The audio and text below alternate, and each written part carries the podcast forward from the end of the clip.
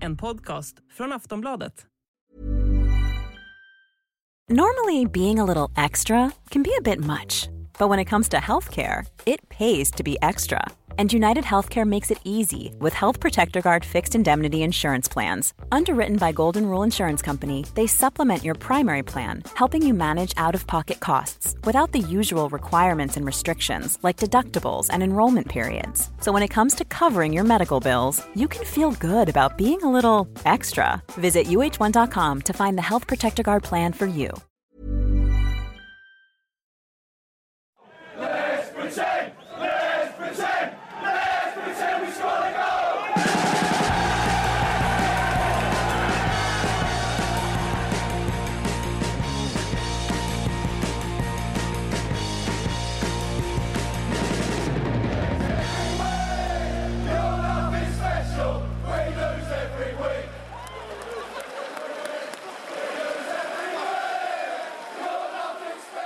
Sportbladets Premier League-podd eh, tillbaka efter en fullsmäckad helg av eh, helt, några ganska häpnadsväckande resultat. En massa mål har det gjorts.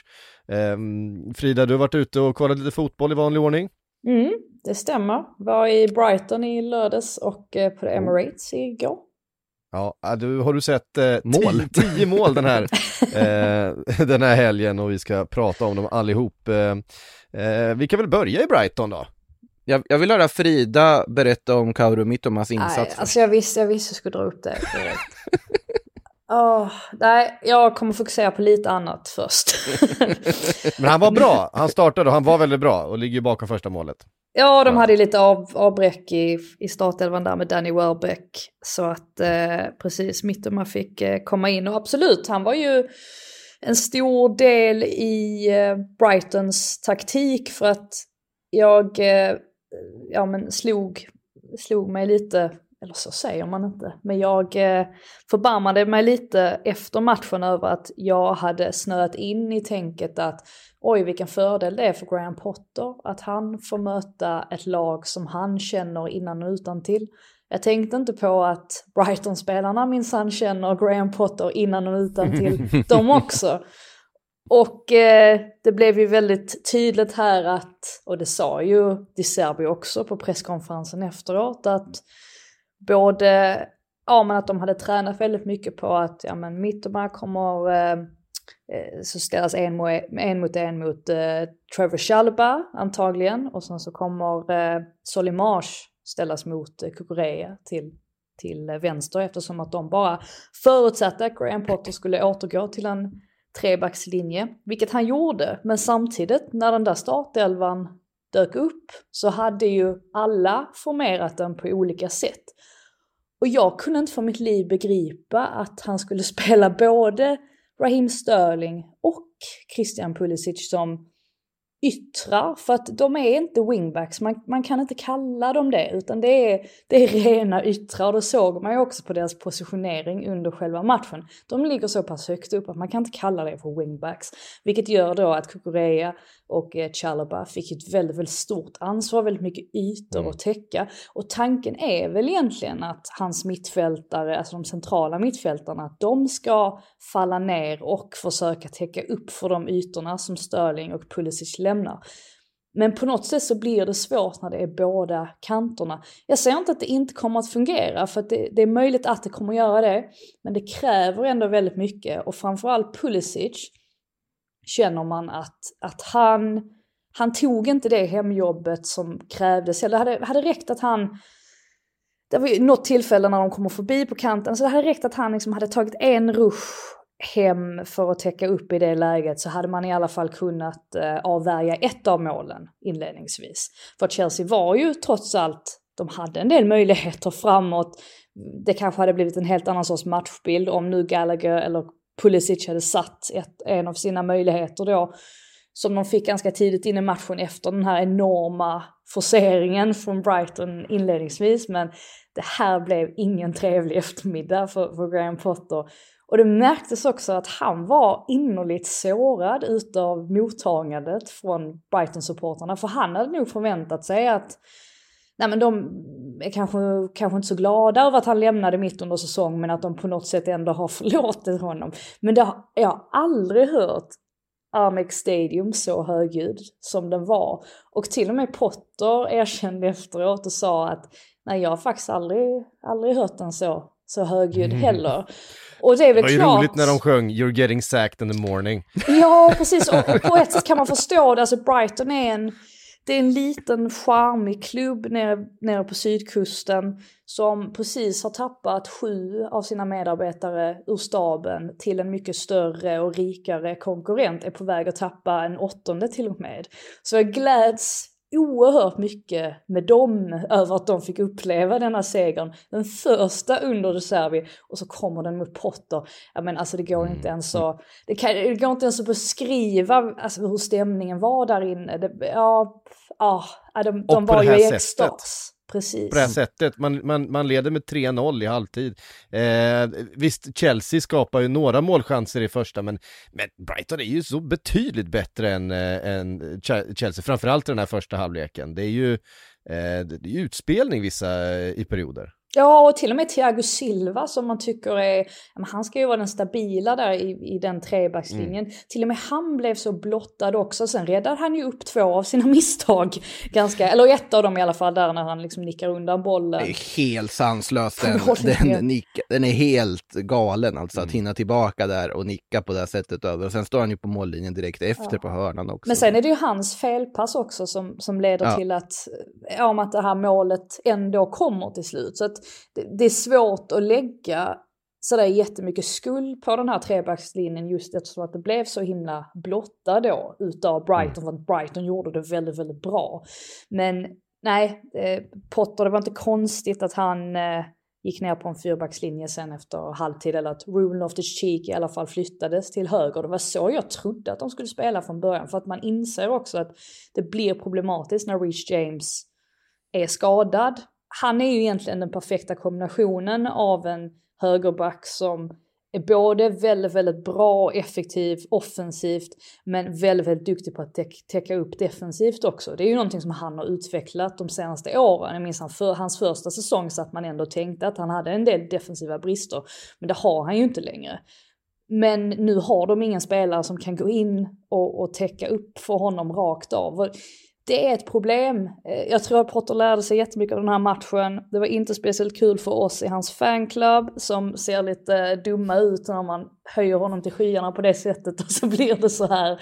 Men samtidigt så, ja, det är ett pågående projekt på något sätt. Det är väl det, är väl det Chelsea får, får trösta sig med någonstans också. Det är, det två saker jag tänker på utifrån det du sa Frida. Både, alltså, det är ju väldigt naivt av Potter att tro att han ska hyllas så här pass tätt in på att han kommer tillbaka. Eller åtminstone inte buas ut så pass rejält. Det känns ju ganska rimligt att han... Ja, hyllas var ju, var ju kanske inte det han sa. Ja, utan det var ju mer verkligen att, det. att han trodde Precis. liksom att de flesta ändå gladdes åt att han hade Kul för dig, fått den här upp, alltså, utmaningen. Men aj, alltså, ja, det så, så fientlig stämning som det var där inne. Det trodde man inte om de där sydkustarna, men de kan de också. Ja, och sen, sen tänkte jag på just det här med wingback-positionerna. Eh, alltså en spelare som Pulisic, även om man inte är någon direkt en wingback, så kan man ändå se en sån spelare som varit utanför en startelva acceptera en sån rollförflyttning för att få en roll i laget. Alltså jag undrar vad en spelare som Raheem Sterling just nu tänker. För han har ju inte sett i närheten ut som sig själv sen Potter klev in och det är ju för att han har haft en viss, viss Jo. liksom mer till, tillbakadragen roll och så vidare. Man undrar Fast det liksom har han ju länge. inte. Det är ju det är ju här som är, liksom, oftast är när man analyserar Chelsea så, så Mm. pratar om det här, oh, Raheem Sterling, han spelas ur position. Men han är ju ytter, han är inte wingback, han tar inget ansvar bakåt. Jag tror inte att han behöver ta något ansvar bakåt. För att vi såg inte det i första matchen där Potter använde sig av det här systemet på ett ungefär, var ju mot RB eh, Salzburg.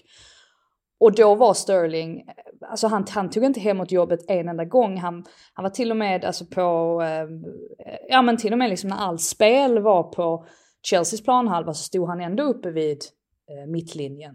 Så det, det är väl tydligt att Potter vill inte att han ska ha något defensivt ansvar. Men det är just det där när han gör så på båda kanterna. Det är då man känner att är inte det här det mastigaste laget? Och, och det var det ju uppenbarligen mot Brighton också. Så både Pulisic och Sterling, det blir kanske lite övermäktigt ändå. Det kanske blir lite för stora ytor. Men Raheem Sterling, han spelar som en ytter. Alltså han spel, sen har han spelat wingback vid tidigare tillfällen i karriären så det är ju inget nytt i sig. Men ja, jag, jag, tycker ändå liksom att även om man kanske spelar lite ur position så är det ändå inte så mycket ur position som vissa vill få det att låta som. Um, det här är faktiskt första gången Brighton slår Chelsea i en tävlingsmatch. Jaha. Sjuk statistik. Um, Nej men det är såklart fantastisk, eh, fantastisk seger för De Serbi, för Brighton, för supportrarna. Eh, på alla sätt, det har ju varit en tung period verkligen för Brighton sen eh, Potter lämnade. Eh, även om det har sett spelmässigt bra ut eh, stundtals så har ju resultaten verkligen inte varit där. Och kanske kan man få igång det här nu och igen, alltså Trossard, jag blir inte, jag blir knäpp på honom. när han möter Chelsea, ja men då kan han kliva fram och vara hur bra som helst och göra mål och poäng och eh, är där och rör till och sen så möter man något liksom bottenlag på bortaplan och då spr springer han runt och står i passningsskugga i, i, i 90 minuter. Han är en big game player. Ja, det är det. Det är det, är det han är. Han måste bli en all game player för att han ska vara med där Hellre uppe. en big game player än en small game player skulle jag säga, men eh, I och för sig, för ett lag som Brighton kanske man egentligen behöver någon som levererar även mot det sämre motståndet mm. på så vis. Det, som sagt, det är ju jättestort för De Cherby att få den här vinsten. Sen, han har ju haft ett, ett intressant material på så de har ju varit vana vid Graham Potter och sen De Cherby är ju en otroligt skicklig tränare så jag tycker ju fortfarande att det är ett otroligt rätt val av dem. Att fortsätta på den inslagna vägen, att vara lite oberäkneliga, offensiva, sprudlande som de är. Mm. Och sen, jag vet att jag är bias i sammanhanget, men att De Cherby ändå har lyft in Mittoma på ett sätt som inte Potter gjorde, eh, ska ändå sägas. Det, det, är väl egentligen den liksom, enskilt största förbättringen han har gjort i det här laget. För att, ja, ni ser ju vad han gjorde här idag, liksom, när han fick chansen från start nu. Och, och var så pass bra som han var. Mm. Ehm, det var det om det. Vi tar oss vidare till den andra matchen du var och såg på Frida, nämligen den på Emirates mellan eh, Arsenal och Nottingham Forest 5-0. Eh, det var bara 1-0 i halvtid men kunde ju varit betydligt mer än så. Eh, Forest skapade någon ströchans här och där men det är eh, Arsenal som haft en lite svagare form under ett par veckor, eh, inte riktigt fått allt att stämma, var nu tillbaks i så bra slag som vi har sett dem på hela säsongen. Mm, till Forest försvar så ska det väl sägas ändå att en, en stund efter ledningsmålet där, kanske efter en 10 minuter och en kvart så började Arsenal ändå tappa lite initiativ. Det var kanske lite senare i och för sig för att det var nu kring där när Saka började känna av den här skadan och han slutligen mm. utgick då efter runt 30 minuter. Då märkte man att Arsenal tappade lite av sin fina rytm som man hade haft inledningsvis. Man bara flög fram och var ju full, fullkomligt överlägsna där Eh, inledningsvis. Forrest hade ingenting eh, överhuvudtaget, rörde knappt bollen.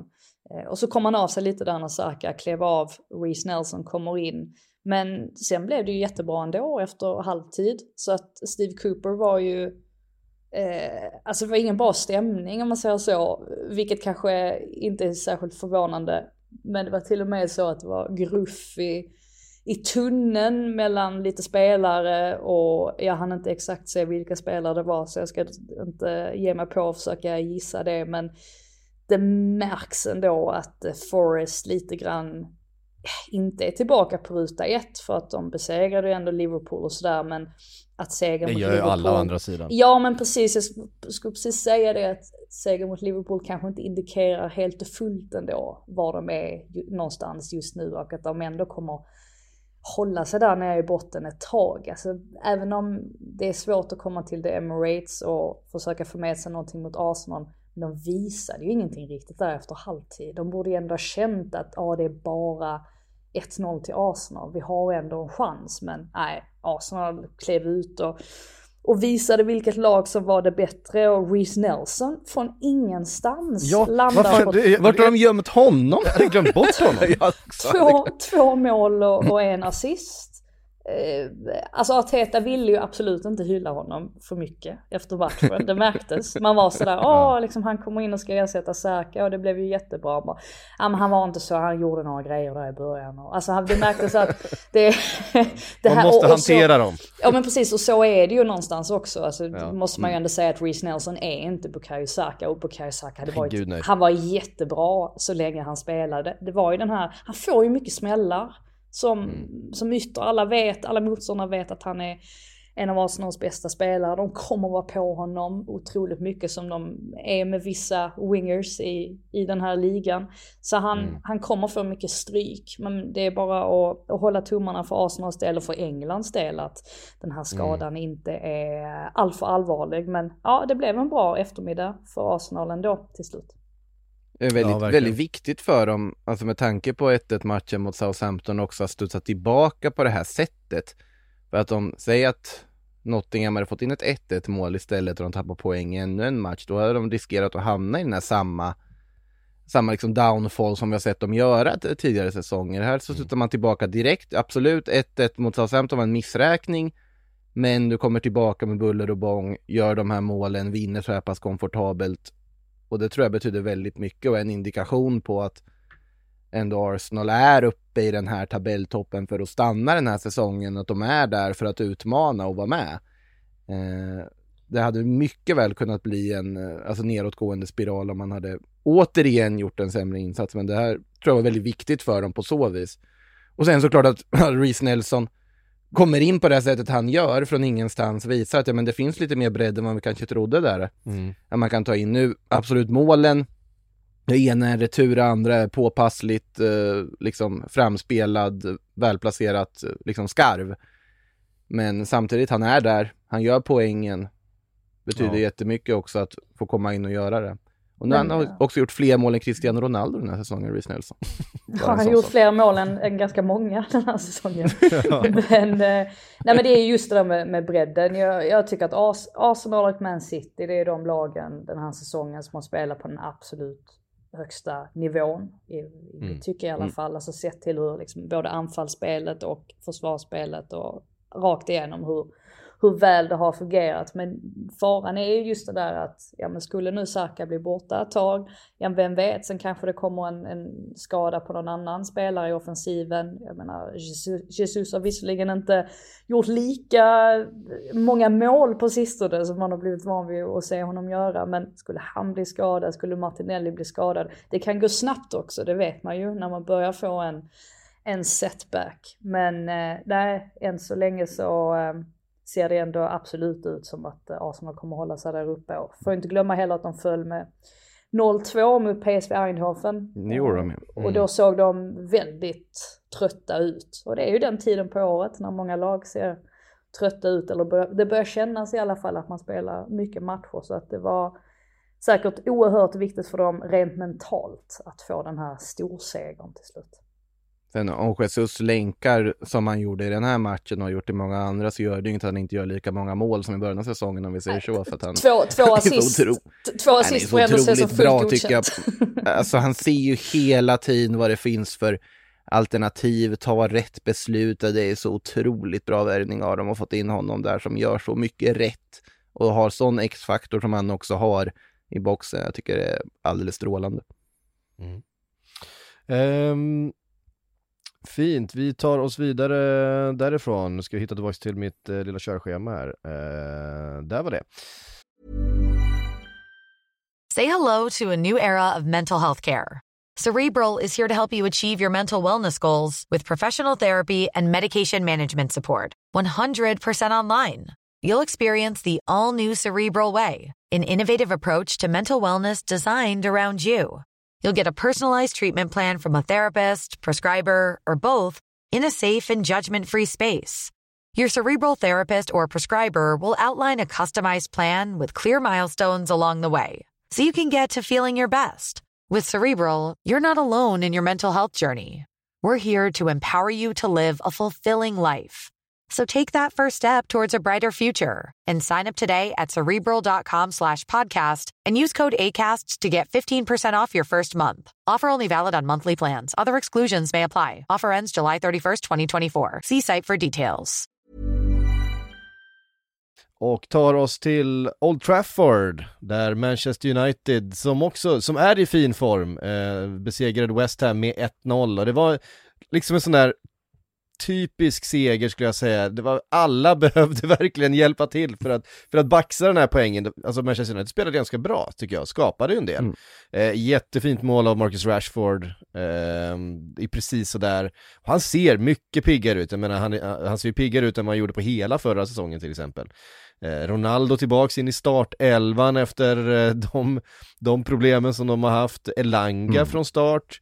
Ehm, Tog inte chansen dock. Det kändes som att man hade velat se honom alltså skina mycket mer med tanke på hur konkurrensen ser ut i det där laget och verkligen visa att han ska vara en del av Ja för Jadon Sancho har ju varit formsvag verkligen under eh, den här säsongen tycker jag. även förra säsongen. Ä- Även förra säsongen. Nej, men han, har, han, han har liksom stuckit upp i vissa matcher sådär men inte riktigt kommit till sin rätta. Eh, Så att eh, Ten Hag laborerar lite där vid sidan av, men just nu så känns ju Rashford som det liksom givna eh, valet i det där anfallet. Ja, han ska ju spela, han ska starta varje match som, som han spelar just nu, det är ingen snack om Men, saken. men, det, men det är rätt intressant att vi säger, sitter och säger det ändå för att han har ju inte alls sett ut som ja, men den Rashford som vi såg för ja, men två säsonger sedan. Alltså innan, Nej. innan det här otroliga nickmålet som han gör Mm. så har han ju faktiskt varit Alltså han har ju bränt rätt många lägen, han har inte spelat på sin absoluta topp, alltså rent Nej. avslutsmässigt. Och det har ju faktiskt ingen av dem i den fronttrion har gjort, där Antonin kanske har stuckit ut mest då, inte bara för den här, eh, det här, eh, ja, den här finten han gjorde som inte uppskattades, piruetten som inte uppskattades så mycket i, i, eh, i England överlag. klart. Men, Sånt där ska man inte hålla på med. Jo, alltså, men han är ja, alltså jag tycker det blir så överdrivet. Jag tycker det blir så överdriven kritik. Absolut, han kastar bort bollen efter, det gör väl Ja. en del i det hela också, att det var så otroligt nonchalant. Men du har ju värvat en fidget spinner. Då får du acceptera att sånt där ibland sker. Alltså det, Sen tror jag framförallt att Ten Hag, han känner ju Anthony innan och utan till. Han, han vet ju att det här kommer på köpet. Det var bara så roligt att han ändå får frågor om Anthony inte var med i truppen på grund av den incidenten. Jag tänkte om det hade varit så, ja men det hade ju varit helt sanslöst om det var. Ja, hade varit på det sättet. Men Anthony är väl den ändå som har stuckit ut mest av dem i i fronttrion. För annars har det ju faktiskt inte, även om Man United har gjort flera fina insatser och då inte minst då mot Tottenham, så har ju den fronttrion inte fungerat hundraprocentigt. Man har ändå känt att där är verkligen, verkligen mer att ta av. Men just att Rashford gör den typen av mål också som han gör, alltså den sortens nick. Jag trodde i två sekunder att det var Cristiano Ronaldo, för jag tänkte ingen annan Det, kan det göra en såg ut nick. som Ronaldo, det var Det verkligen... där, det var- Ja, det där var en strikers nick. Alltså Ja. där visade han att, att han, han kan ta sig tillbaka. Och just det här att han efter matchen pratar väldigt öppet om hur tufft han har haft det mentalt. Han, han Mm. hintade ju också om att det har hänt saker utanför planen som har varit jobbiga för honom. Vilket jag vet att vi spek- spekulerade om det i våras, att det kändes som att det var någonting mer kring Mm. hans eh, ja, men insatser på planen som man kanske inte riktigt visste om. Och att, att han berättar så öppet om det nu, det, det ger känslan ändå av att det är någonting som ja, man har, alltså det målet gav någonting till honom. Så att Mm. förhoppningsvis kan han liksom fortsätta spinna vidare på det här nu. Det stämmer där du säger också just där, man blir ju lite förblindad av alltså hur svag han faktiskt var förra säsongen på planen, att det blir ju lätt då att man man hamnar i ett läge där en liten förbättring, även om den inte är nära där han en gång var, gör att man känner att han är tillbaka. För att det var liksom sånt pass stort fall som vi upplevde förra säsongen. Eh, sen är han ju inte i sin, alltså hundraprocentigt tillbaka än. Mm. Jag vill i och för sig Ja, slänga in, när vi, ja, Nej, bara det att det är bara siktet. Siktet ska ställas in rätt. Mm. Alltså det är, för jag tycker ju såklart att hans, hans insatser har varit bättre den här säsongen jämfört med förra säsongen. Men just det där att det lilla, det lilla sista har kanske fattats i, emellanåt. Martial vill jag slänga in i fronttrio-diskussionen också. Jag tycker väl ändå United överlag har funkat bäst när han har, han har fått spela. Han har väl ändå haft en ganska rejäl renässans också här under Ten Hag och sett väldigt bra ut de matcher han har spelat tycker jag. Men sen också en... Eh, Ja, Ja. det är det. Ehm, nej, men det, har, det har inte varit eh, full fart framåt för United, men däremot så ser det ju väldigt stabilt ut bakåt. Eh, West Ham är ju bra. Ehm, Antonio kommer in här och är, han ser sugen ut, jävlar vad han, vad han bufflade på det. Det är väl ett, eh, är det Diogo Dalot han går en axel mot axel mot och, och vinner med 100-0 eh, centralt på planen. Men, men defensivt så ser det ju väldigt mycket bättre ut för United än vad det gjorde i början på säsongen när vi liksom eh, Lisandro Martinez har ju kommit in och, och varit eh, riktigt, riktigt stabil mm. De Gea börjar göra matchavgörande räddningar igen Det här är ju liksom den De Gea som vi eh, kommer ihåg som räddade Manchester United liksom var och varannan match Gjorde han ju i och för sig en del även förra säsongen Alltså ja. räddar de var och varannan match kan man väl säga. Men, men, men han gör ju ett par riktigt vassa räddningar här, inte minst på, på just Antonios kanon som han eh, dundrar iväg från 25 meter. Jättefin mm. räddning. Jag tycker det är så eh, oerhört konstigt att eh, eh, Lucho Enrique i eh, spanska landslaget verkar ha någonting emot de Gea och inte ens ha med honom i en bruttotrupp. Mm. Eh, så, så pass svag är han inte, så pass usel med fötterna är han inte att han ska vara liksom helt utanför en... Jag tycker inte att David Raya är en bättre målvakt än vad David de Gea Jag tycker absolut inte Kepa Arrizabalaga är en bättre målvakt än vad David de Gea eh, En liten eh, spansk landslagsrant vill jag slänga in. Det kommer nog fler sådana nu när vi närmar oss VM, men bara en... De har ju eh, faktiskt släppt in väldigt lite mål, alltså sen Man City Eh, mötet och Nicosia var det väl de mötte där eh, i samma veva de också släppte in två mål. Mm. Men efter det så har det ju verkligen, och det ska ju sägas att då har man ändå skiftat alltså mittbackspar. Jag menar Lindelöf har spelat någon match, match mm. efter att Varann skadades, sen så var han sjuk nu så fick Maguire gå in så att det har ju ändå varit lite rullians där i försvaret. Men det är väl kanske då Lisandro Martinez som ser till att, att hålla ihop det och hålla det stabilt på något sätt. Mm. Det kan, kan ju vara att de har värvat en defensiv mittfältare också som ska stå framför dem. Som har ja, ja. Och, så, och så är det ju att Casemiro har ju kommit in. Jag fick en fråga här från Andreas Lind, jag slänger in den. Mm. Eh, har Casemiro verkligen varit så bra så här långt? I de matcher jag har sett har det varit mycket bortslagna passningar. Och ja, det har det. Men det som har hänt är ju att Christian Eriksen till exempel får mer frihet att spela sin fotboll, att vara den spelfördelande. Det är ofta han som liksom öppnar upp spelet framåt, därför att Casemiro är där och täcker upp bakåt och är så otroligt påslagen och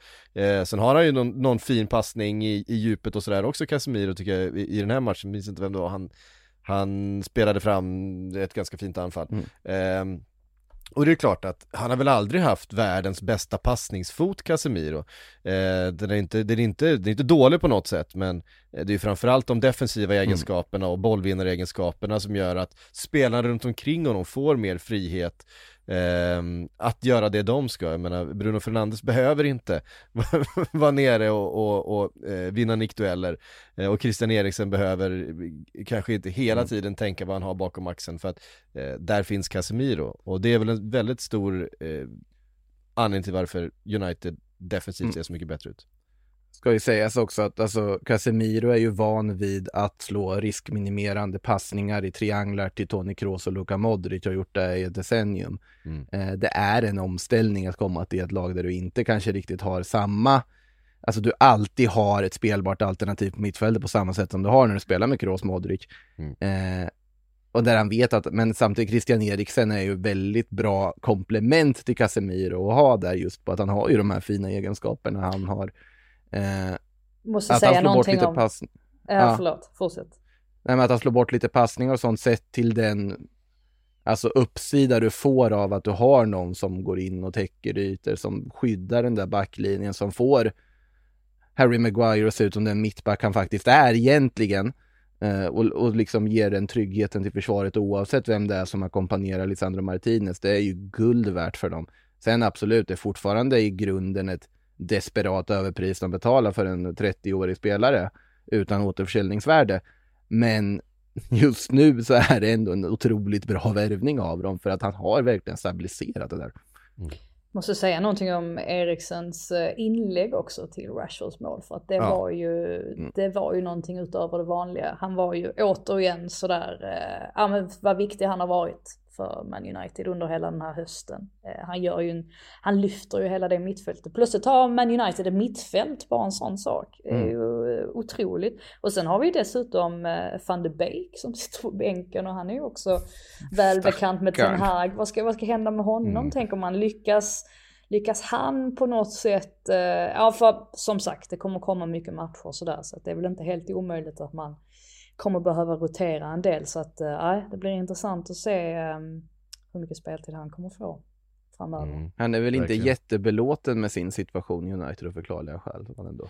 Nej, och det var ju inte så att han eh, gjorde något jätte jättebra skylt för, eller Everton var väl kanske inte det bästa skyltfönstret för honom förra säsongen heller, det var ju ett ganska dysfunktionellt Everton där eh, som man heller inte fungerade i. Eh, det var ju inte så att eh, det stod klubbar i rad att betala den där lönen för honom i somras. Nej, det var ett skyltfönster på en sunkig bakgata snarare än på någon eh, mm. parad shoppinggata om vi säger så för Donny van de Beek att åka dit den våren. Eh, så var det Manchester United nu med häng på topp 4 då eh, igen efter den, eh, den där svaga säsongsinledningen har man nu eh, radat upp och obesegrade på åtta matcher i, i ligan. Eh, det börjar se ganska, ganska ljust ut på Old Trafford. Eh, på Anfield däremot ser det mörkare ut. det här är, skulle jag säga är den djupaste svackan som klubben har varit i definitivt sen Klopp var där. Men ja, det är väl i, ungefär i nivå med eh, Eh, den där hösten under Brennan Rodgers när, när Klopp kom in eh, det, liksom ingenting fungerar. Första, visserligen bara första förlusten i ligan på Anfield sen, sen eh, mars 2021. Eh, Van Dijks första förlust i ligan på Anfield sen han kom till klubben. Det, liksom, det kan ju låta som att, eh, ja ja, det händer förr eller senare. Men det här är ju i en kontext där spelet bara inte fungerar. Van Dijk är ju bedrövlig, jag vet inte hur, försvarsspelet på, på eh, Leeds 2-1 mål, vi ska säga, eh, Leeds vann med 2-1. Eh, är ju, är ju liksom, det, det är helt un, det är under all kritik. Um, Vad gör Joe Gomez i den här matchen? Ja men Joe Gomez, det första målet, det är ju slarv, han tittar inte, han bara skickar iväg passningen hem mot, mot Allison Så får man inte göra, och det är igen det där igen släpper in ett mål efter typ 2, 3, 4 minuter. Mm. Som man har gjort i varenda match den här säsongen känns det som. Vi har fått spela varenda match med jag, alltså jagandes i kapp någonting annat. Det är som att man går in i varenda match med en 1-0 förlust. Eh, Eller 1-0 underläge.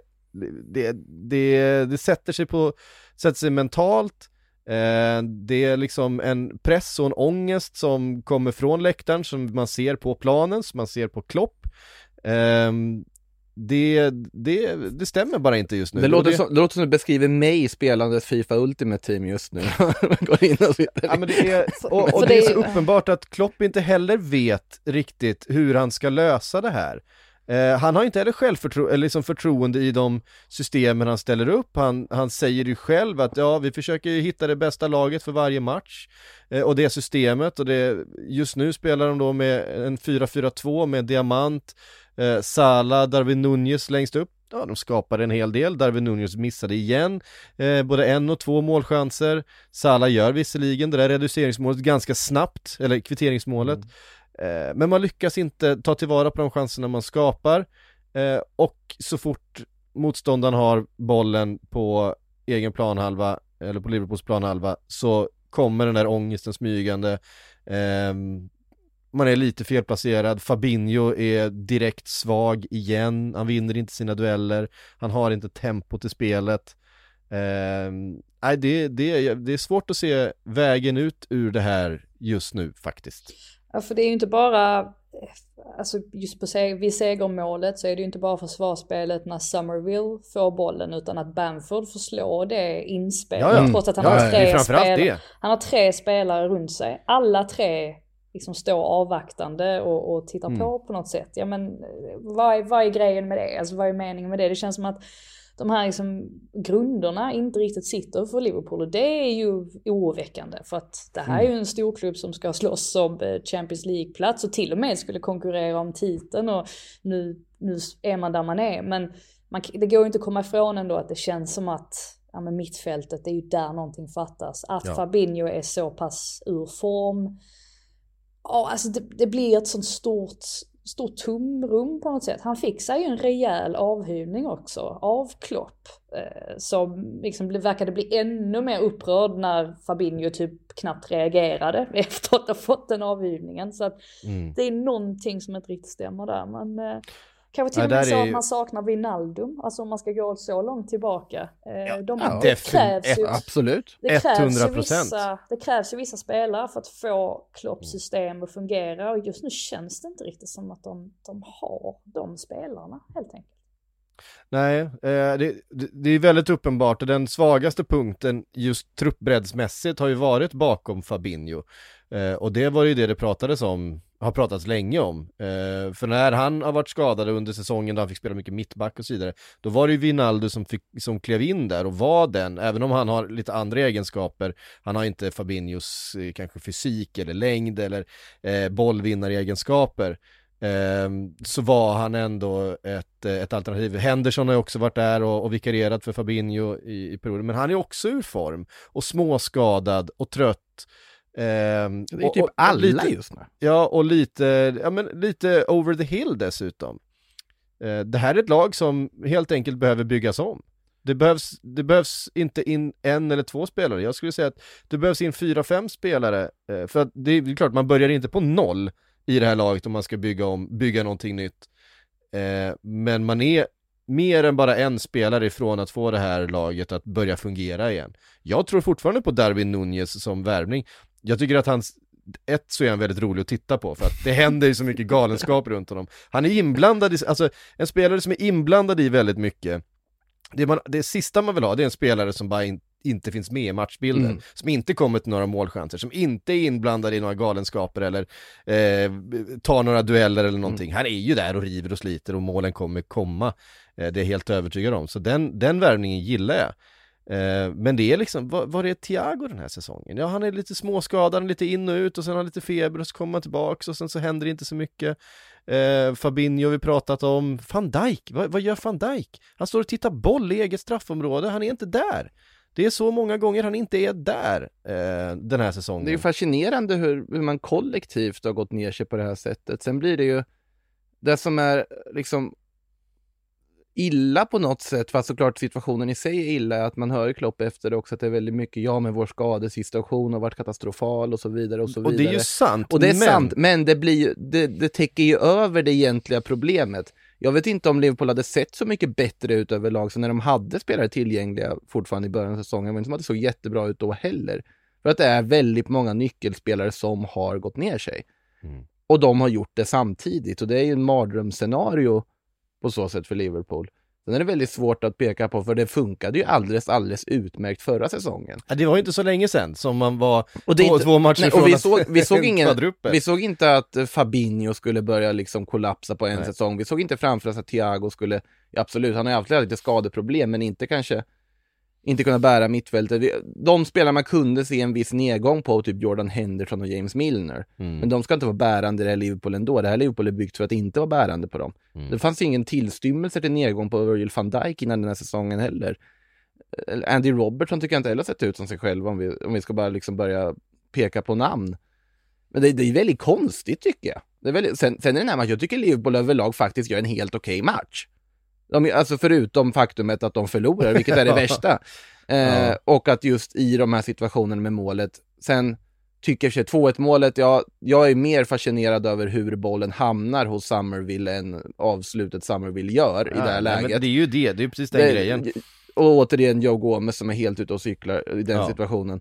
Eh, Summervilles avslut var helt briljant. Eh, Mm. Fantastiskt, eh, fantastiskt agerande tyckte jag i den situationen, i det trängda läget och komma till det avslutet och vara så pass pigg och slå till. Men eh, det, är, det är svårt att sätta fingret på det för jag vet inte. Och det är också så här, det här är ju samma lag som, som slog Manchester City för två veckor sedan.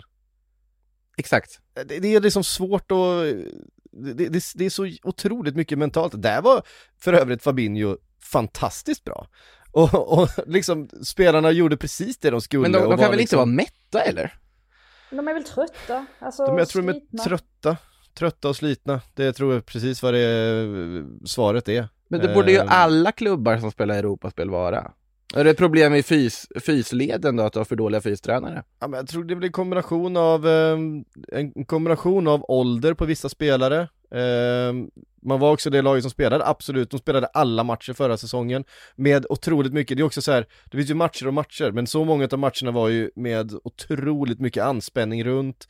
Eh, det, är, det kostar ju mer att spela en final än vad det gör att spela eh, liksom en, en vanlig match. Om de går vidare hela vägen i alla kupper man spelade final i båda liksom Mm. de inhemska kupperna eh, Man spelade final i Europa, man, det var liksom Varenda match liksom från mars och framåt var, och det sa man ju själva, var en, en cupfinal. För att man var tvungen att vinna varenda match för att utmana City i ligan Dessutom. Jag tror att den här anspänningen eh, och det som är så mest fascinerande är att det verkar inte påverka Manchester City spe- speciellt mycket.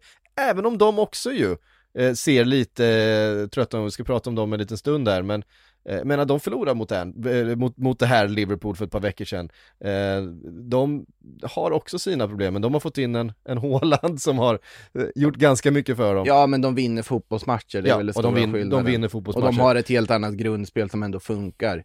och det- en ännu större bredd Ja, I- ja utan i- tvekan. Ja, det har de i också. Så att det, där behöver man inte göra en jämförelse. Frågan om Liverpool ska kunna studsa tillbaka för att ta en Champions League-plats, vilket känns svårt just nu måste man säga med tanke på hur långt avståndet är, hur formen ser ut. Sen kan det vända väldigt fort. Mm. Eh, det ska till några förluster till innan man tror att de faktiskt inte kommer att lyckas med det.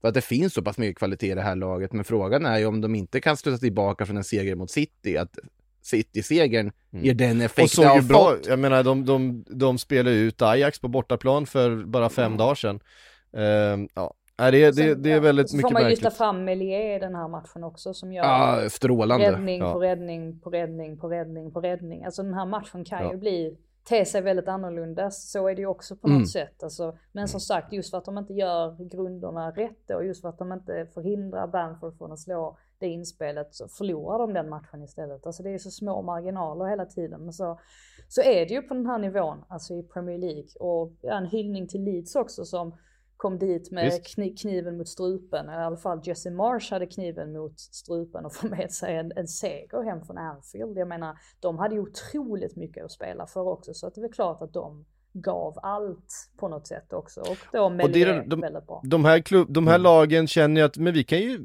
vi kan ju få med oss någonting mot Liverpool just nu. Ja, det är klart ja. att hornen växer på de här spelarna när de möter ett sånt här storlag, ett av de liksom bästa lagen de senaste säsongerna, eh, med alla jättestjärnor och känner att fan, kan vi få med oss någonting härifrån? Fan, nu, nu, nu går vi för det här. Istället för, som det var för ett par säsonger sedan, att folk åkte dit och gav upp. Alltså, det Eh. syntes ju inte riktigt av Bamford fram till framspelningen. Alltså den, den här mottagningen han gör när han får det här superläget innan. Mm. Vad, vad håller han på med? Ja, Alltså, han vill- han vill otroligt nyvaken den här gången också. Ja, nej, men det är ju för att han är, kändes, kändes väldigt enfotad. Men det är också en sån grej tycker jag känns som när, när man inte har riktigt självförtroende. Mm, mm. Då vill man helst liksom, ta emot bollen med, med den foten som man använder mest. Och det, det var, ju ett, var ju ett misstag. Vi, vi, Jesse March firande tycker jag vi ska ta upp också innan vi... Det Alltså var... jag, vill, jag, vill inte ens, jag vill inte ens gå in på det. Det är, alltså en, enda anledningen till att jag förlåter honom det är ju för att jag kan förstå att man dras med när man liksom tar in ett segermål på Anfield med bara ett par minuter kvar och bryter deras svit på, vad var det, 29 raka matcher utan eh, förlust. Men eh, nej, det var ganska, det var ganska pajigt var det inte det? När man ska låtsas att, vad är det, vad Allt- är det allt- ens att allt man han gör är bränner sig? pajigt. Ja, typ att man ska låtsas att man bränner. Ja, det var, det var återigen lite för amerikanskt för min smak. eh, Man har, man har sett Zidane göra liknande också någon gång, men det var lite, det var lite, kändes lite mer naturligt då vet jag när han då var det i samband med något ja. cykelsparksmål. Ja men, men, det är ju också då, det, det ska ju ha hänt någonting, alltså något spektakulärt mål eller sådär som är väldigt, väldigt vackert. Eh, inte bara... förvånad att det inte blev lite mer gruff för han gör det också väldigt tydligt mot Liverpool. alltså delen av bänken. Eh, Eh, ja, ja, vi går vidare, så bara eh, notera att eh, det är alltså 20 tappade poäng för Liverpool den här säsongen, man tappade 22 på hela förra säsongen. Så att eh, går man rent härifrån kan man faktiskt göra en bättre säsong än förra. Vad som helst kan hända, bollen är rund. Ja, det finns väldigt lite som talar för att Liverpool ska gå rent härifrån. Eh, Bournemouth Spurs 2-3, herregud, här trodde man ju att eh, Conte skulle få, att all, alla fördämningar skulle brista samtidigt och eh, Så han skulle lämna där ett tag i halvtid. Ja. Ja, det- typ ja. Det kändes så. Kiefer Moore med, med två fina mål. Sen var det ett riktigt brötigt, liksom scruffy, eh, tre mål i andra halvlek för Spurs att ta tillbaka och vinna de här poängen. Det var ju en, det var en brutal arbetsseger får man säga. Det var, det var... Behövde de. Ja Det men behövde verkligen, de det var verkligen. inte, det var, det var inte en, eh, du vet, en inknorrad eh, lyra från 25 meter från Heung-Min Son eller något briljant från eh, Harry Kane, det var, det var st- Det var och- Rodrigo Bentancourt. Ja, det var Rodrigo Betancourt som bara bombade in från två meter på en hörna och Uruguayansk garra som liksom bara Sesson John, pulveriserar Se- Se- målet. Sesson Johns mål var fint i och för sig, men han skulle precis bytas ut då va? Ja. Visst hade de tänkt byta ut honom precis när han trycker in den där eh, reduceringen?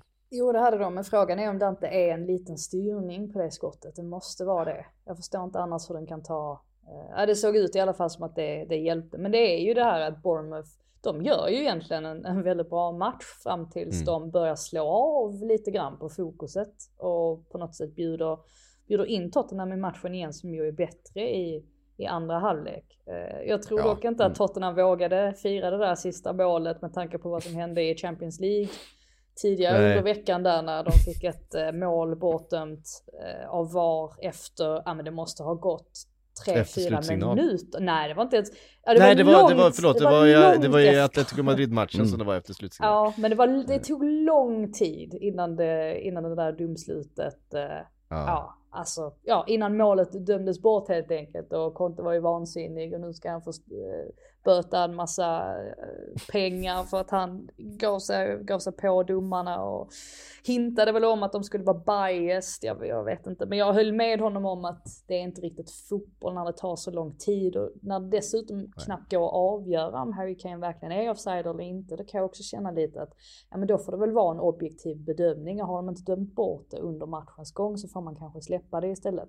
Men men, det, det blev inte så men ja, här stod ju målet i alla fall kvar då. Så att nej vilken, eh, vilken otroligt eh, viktig seger ändå på något sätt för Tottenham som jag har haft nu några veckor här när det har sett lite halvdant ut och förlusten mot Newcastle och sen att få med sig det domslutet mot Sporting där man gör en bedrövlig första halvlek dessutom. Viktigt att, att få med sig tre poäng och ja, kanske visar det lite också mental styrka, alltså lite såhär kontementalsk styrka att eh, göra det på det här sättet också och vända. Mm. Ehm, vi eh, konstaterar att eh, Spurs då hänger med igen där uppe i, i, i toppen. De har haft en negativ trend under senaste eh, veckorna men eh, eh, viktiga, viktiga tre poäng. Någon som också hänger med upp i toppen är Manchester City som tog tre poäng borta mot Leicester. Det satt långt inne, De Bruyne till slut matchhjälte. Helt sanslös frispark. Ja, Alltså- han alltså- gör ju sådana där grejer. Ja, men, vad vad är det för placering på det här skottet? Det är ju, ja, det är magisk frispark. Det är snyggt också Eh. när det går i stolpen in Ah. sätt. Ja, det, det hjälper alltid. Ribban är allra bäst. Ja, men det där är ju också krysset. Det är ju verkligen Ja. krysset. Det går ju inte att placera den bättre än vad han gör en frispark. Nej, jag tycker det magisk spelare där. Har vi konstaterat förut att han har en bra högerfot, Ja, ja, det- ja, De det- Bruyne? Ja, Ja, det är inget anmärkningsvärt jag påpekar där, det ska vi säga. Jag tycker han har bra vänsterfot också. Lite Ja, det har han det har han verkligen. bra, han, han är ju, för mig är han ligans bästa spelare i alla fall. Eh, Mm. Med, eller, med eller utan Erling Haaland, det finns inget snack om saken tycker jag. Eh, han har väl Nej, gjort han Jag eh, skriver under på det, kan jag väl säga. Ja, ja men precis, jag tror James Madison sa väl eh, samma sak också efter matchen. Jag tycker ändå att Leicester gör en, en, eh, en bra insats här. Mm. Deras matchplan, alltså Brennan Rodgers är ju smart och har mött Man City många gånger de senaste åren och han vet om att bästa sättet att få med sig poäng är i alla fall se till att undvika att Man sitter och gör för många mål. Det är ju på något sätt att ligga väldigt, väldigt kompakt och se till att de inte får några ytor överhuvudtaget och, och det gjorde de ju verkligen. Och sen så då sista 20 minuter var det väl att de liksom svänger om och spelar en mer 4-2-3-1 och försöker gå för det lite mer. Och Pep Guardiola hade väl sagt det tydligen till Madison att ja, varför spelar ni inte så hela matchen? Men alltså rent realistiskt så kan man jävla, inte göra det är så det. jävla pepp att vara och prata med motståndarspelare och ha synpunkter och... Ja, men det, det kan man ju inte. Alltså, Och vara då. Vi kan, vi, kan, vi, det är kan inte, vi kan inte spela på det. Vi kan inte vara så naiva att vi tror att vi ska kunna gå för det. Alltså de har gjort det förr och har liksom legat under med 0-4 innan de har hunnit blinka. Så att Ja. jag tycker att eh, Leicesters matchplan var ändå bra på något sätt. Trots att de nu inte får med sig någonting mot ett väldigt, väldigt bra, bra lag. Men Leicester över, alltså totalt sett ser ju betydligt bättre ut nu jämfört med vad, man gjorde Mm. inledningsvis på säsongen och det känns ändå som att de på något sätt kommer fortsätta spinna vidare på detta och, ja, och klara sig kvar i alla fall, klättra uppåt lite i tabellen för de ska ju inte ligga där nere, deras trupp är alldeles för bra för det. Det får man ändå ge dem faktiskt. De tar tillbaka på ett väldigt bra sätt som vi kanske inte sett många av de här andra icke förmodade bottenlagen som varit där nere så är ju Leicester det lag som på bäst har suttit tillbaka och den här matchen om man bortser från att De Bruyne går in och avgör den, det känns ju som att det är Leicester som man kan ta med sig mer positiva aspekter från, alltså egentligen förutom poängen då i insatsen. Jag tycker de är kanonbra. Vote Fast kanske inte är så dålig trots allt som, eh, som mittback. Jag tycker han funkar ganska bra nu. Han har haft några, han har haft några lite svagare matcher också. Jo, jo, jo men, men, men abs- absolut, det, det, ser ju bättre ut. Ja exakt, allt ser mycket bättre ut i Leicester överlag. I Citys fall så känns det som att det här var en förlorad chans för många spelare som ändå fick möjligheten med Haalands frånvaro. Julian Alvarez syntes ju knappt till. Alltså det hade man ju velat se honom kliva fram en sån här match. Jack Grealish när han får chansen. Kliver inte heller fram överhuvudtaget. Det är De Bruyne som är skillnaden Mm. igen. Men här var ju chansen för vissa av de här fringe-spelarna att verkligen visa att ja, men jag vill också vara med och, och tampas om spelats. Och det tycker jag inte de gör. Vem hade ni satt högst prislapp på just nu? Eh, Jack Grealish eller eh, Almiron? med tanke på... Al- Almiron är ta- fantastisk, jag tar honom alla dagar i veckan nu. Ja, med, med, med, med tanke på eh, Grealish uttalande om just Almiron. Mm. Eh, Stackars Almiron. Eller stackars Grealish nu är det väl i och för sig. Ja men precis, vi tar oss vidare då till eh, Newcastle. Han sätter alltså sitt sjätte mål i oktober, eh, Almiron. Det är helt otroligt målstim han har kommit in i och det är bara, det, det är bara vackra mål. Det är bara vackra mål. Det är, alltså vilket, vilket avslut för att sätta Ja, det fjärde målet. Stackars eh, Robin Olsen ska vi kanske säga. Ja, det är- det är otroligt stackars. svenska ögon sett som får hoppa in för Emi Martinez som, uff det var en otäck kollision Mm. där med Tyron Minks knä. Det såg Ja. man ju direkt att det där var ju, det där var för... Ja, Jag tog direkt i tinningen också sådär, det är ju, det, det är en hjärnskakning. Eh, Så- det, man ser det direkt liksom. Sen är det ju trist på något sätt, eller jag tycker att det är fel att man inte får lov att byta ut målvakten och sen göra en undersökning, alltså medans matchen pågår Mm. och sen att man i så fall kan sätta in honom igen. För att nu blir det ju att han spelar vidare ändå och sen så känner han ju direkt, alltså första gången han greppar en boll, att det här går Mm. inte. Man är ju Nej. orolig då för hans, alltså hans hjärnas skull, alltså hur Mm. mycket stryk Mm. tog den av att han fortsatte spela de minuterna det är ändå ganska enkelt att undvika. Nu har man ju redan, man har ju ett, ett eh, huvudskadebyte som man får lov att göra. Men jag bara efterlyser att man skulle kunna, eh, och jag tror att Alan Mm. Shearer också pratade om det faktiskt, att just att, ja men varför kan man inte ja, men byta ut målvakten tillfälligt bara så att man säkerställer att han är okej eller inte. Eh, och det Ja. kan man förstås lyfta. Sen blir det inte kul för Olsen när han kommer in här. Men, Han kan inte göra något Vad ska han göra på, han, kan, på, på han kan inte göra något på målen, nej. Nej, eh, han gör ju, han, direkt, direkt när han kommer in får han göra en jättefin räddning där på ett friläge. ehm, Ja.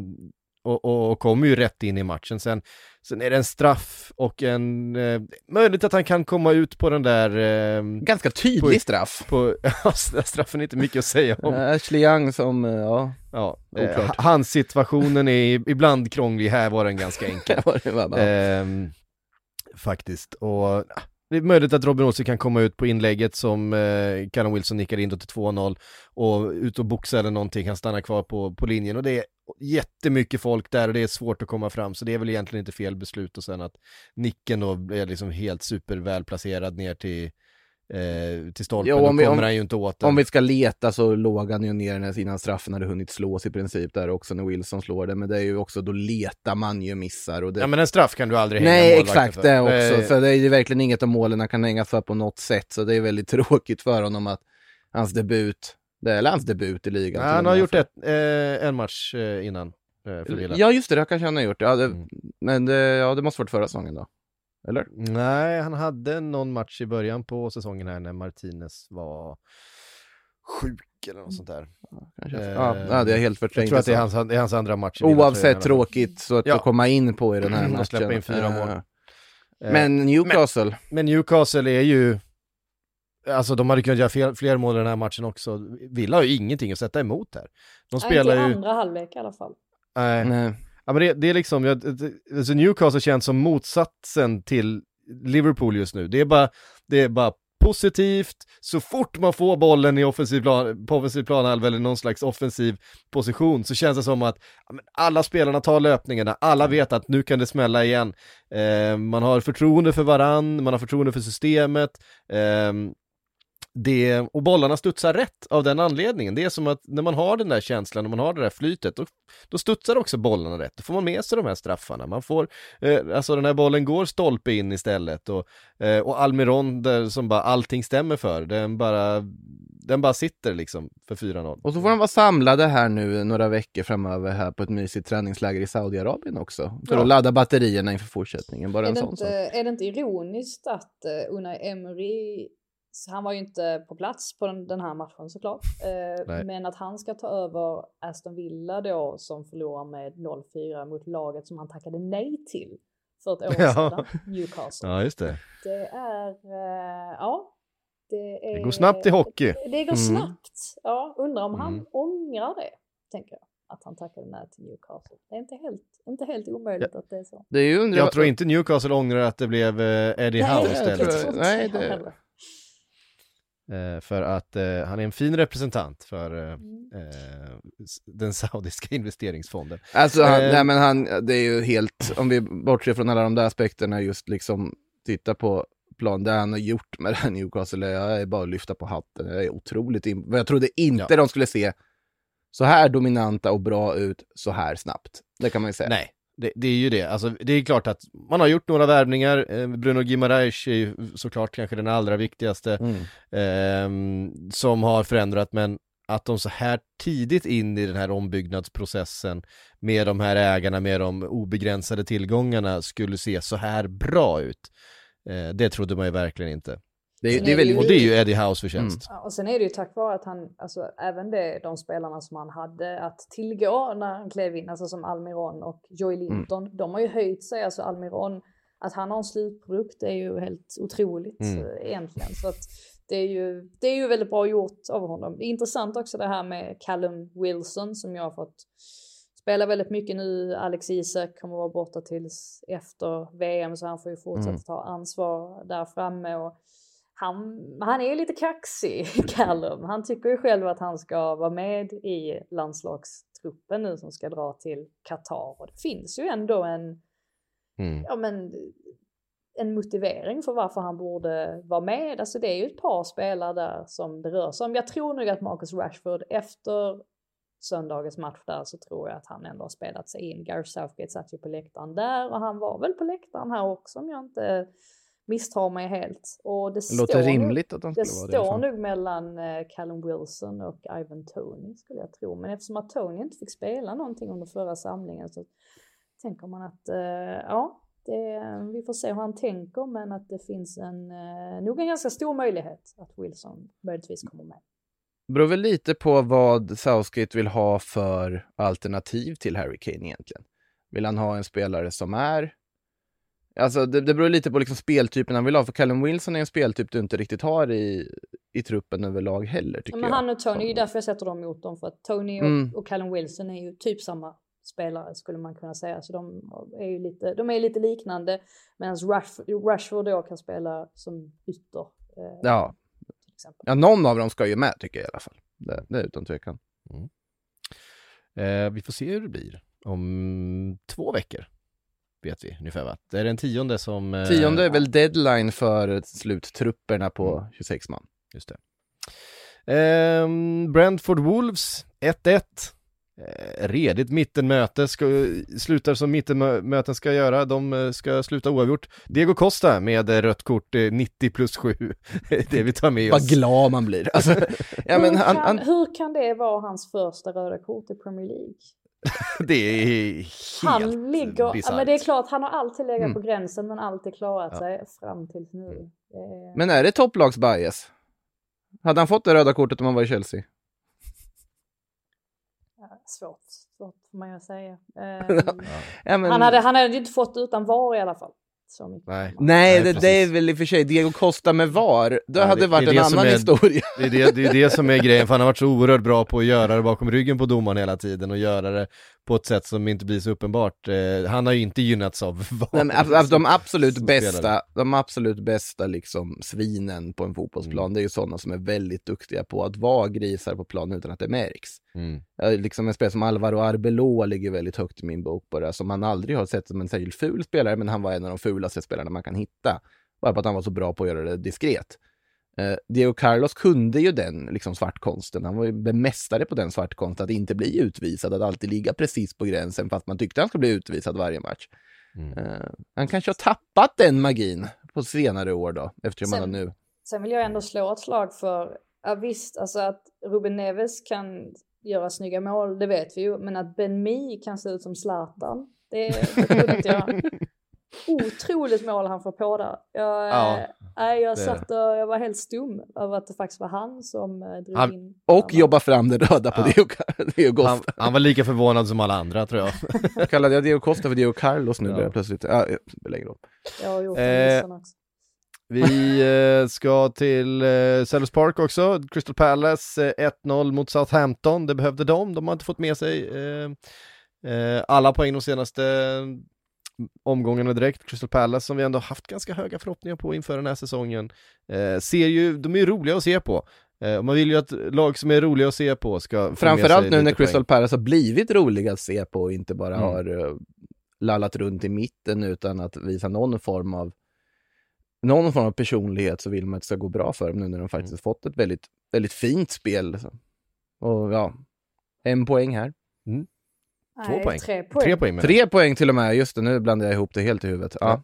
Ja, vi ska till den sista 0-0 matchen här om en liten stund. Jag vet inte, Tyreek Mitchell eh, har ju kommit in eh, i handlingen och blivit en, väl, eller liksom en nyckelspelare för Crystal Palace. Vi eh, pratade om honom redan för ett par säsonger sedan som eh, spännande. Eh, nu känns han helt given eh, och en, eh, en nyckelspelare bland, eh, bland flera i det här eh, Crystal Palace. Eh, Eze är ju en av ligans roligaste spelare, Wilfried Zaha har under hela sin karriär varit en, en spelare man har tyckt om att titta på, men det finns, det finns mycket artister i det här laget och Patrick Vieira vid, man, man på något sätt, det finns något man tycker om med det här Crystal Palace. Eh, det, det är stor skillnad Ja. mot Roy Hodgsons trötta gäng.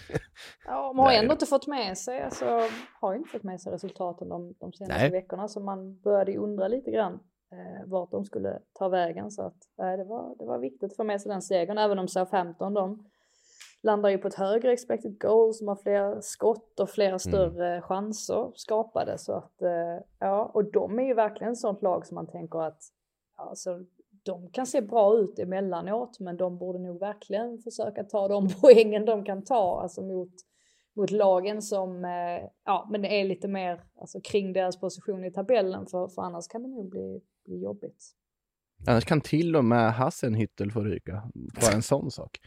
Eh, Eh, ja. måste, måste, det var väldigt roligt ändå att du först rättade mig till två poäng, så det tycker jag. Ja, det var-. Mycket märkligt. Eh, Fulham Everton 0-0. Alltså Fulham har 24 skott i den här matchen. Eh, Jordan Pickford eh, gör ju några riktigt fina räddningar men, men eh, de, de måste ju börja pricka mål. Det är alltså 6 av 24 skott på mål. är, Eh. vilken, vilken bra, det är en bra analys ändå. De måste börja, de måste börja göra fler mål. Det är ju, det, ja men det är helt sant. Det, det skulle de verkligen eh, ha gjort. Jag Mm. Ja. tror till och med att Mitrovic, han hade så många skott, han hade fler skott utan att göra mål än någon annan sedan Harry Kane i någon match 2018. Ja, det var Oh, ja. helt Ja. otroligt. Ja. Nej, men det, och Everton fortsätter hålla nollan, alltså det är ju ligans, hur, hur, hur hamnar vi här där Everton blev ligans bästa defensiva lag? För att Frank Lampard insåg att han inte har någonting att hoppas på framåt och byggde bakifrån. Nej, för att de har Alltså- Jordan Pickford skulle jag säga. Ja, han är ju verkligen har hittat formen lagom till VM här. Ehm, Connor Cody Tarkovsky har vi nämnt förut också.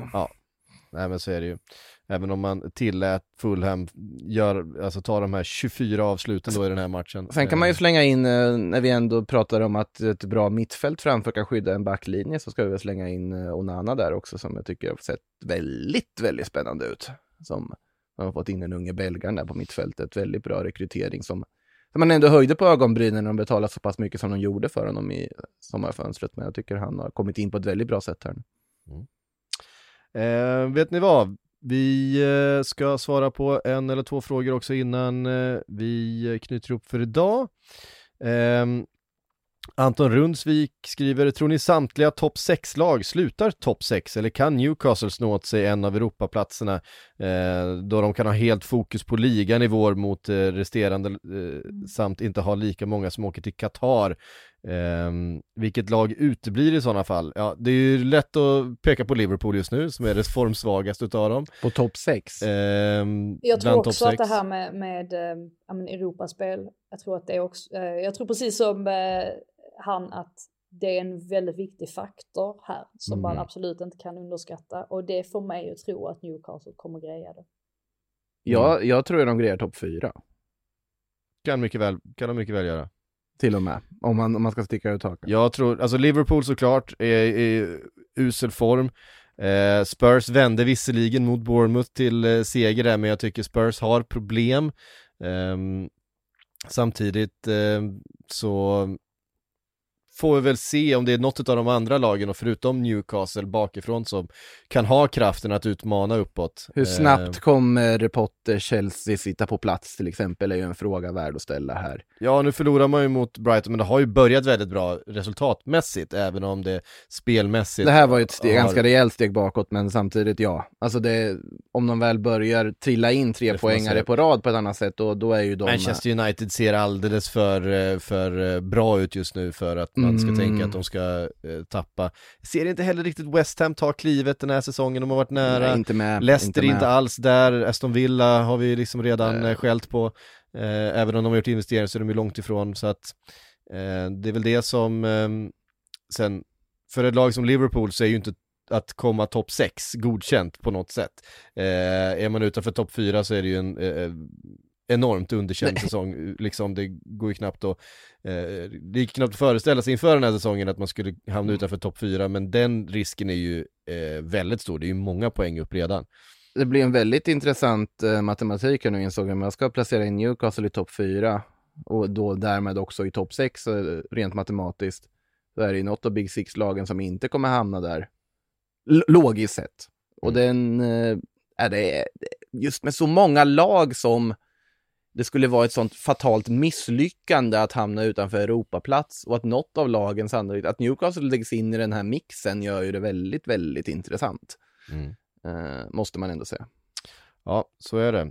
Ehm, Jonathan Alfons undrar, vilken laguppställning borde Spurs spela med? Känns som att Conte inte riktigt bestämt sig för vad som funkar bäst.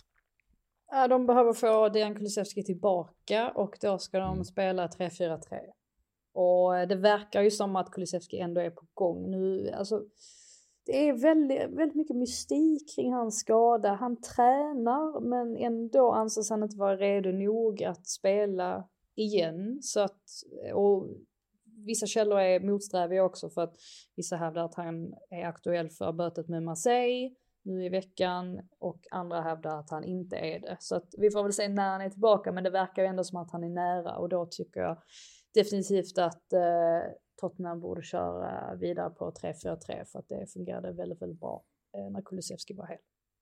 Ut, utan att veta såklart läget med honom är det inte läge att ändå vila honom över VM.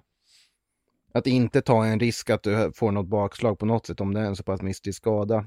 Alltså sen håller jag helt med, så om han är tillgänglig och spelar då ska de absolut spela med honom och spela sin 3-4-3. Det råder ingen tvekan om saken. Mm. Men sen det är kan man ju svårt att tänka veta när man inte vet. Alltså, hur... det, det är ju just det, det är svårt att veta när man inte vet. Men ju bara utifrån sett känns det som att skynda långsamt, för han är så pass viktig att du behöver honom efter VM. Så är det. Hörrni, det var allt vi hann den här eh, måndag förmiddagen. Eh, Tusen tack alla ni som har lyssnat. Tu- Tusen tack Makoto och Frida för att ni var med. Eh, Sillypodden på torsdag. Följ oss eh, live direkt på YouTube och TikTok. Eh, torsdag klockan 12 spelar vi in. Då ska vi prata Eh. om Messi och Miami. Eh, det ska vi göra. Eh, med mycket annat. Och i övrigt så är Sportbladets Premier League-podd tillbaka om en vecka igen. Vi hörs då.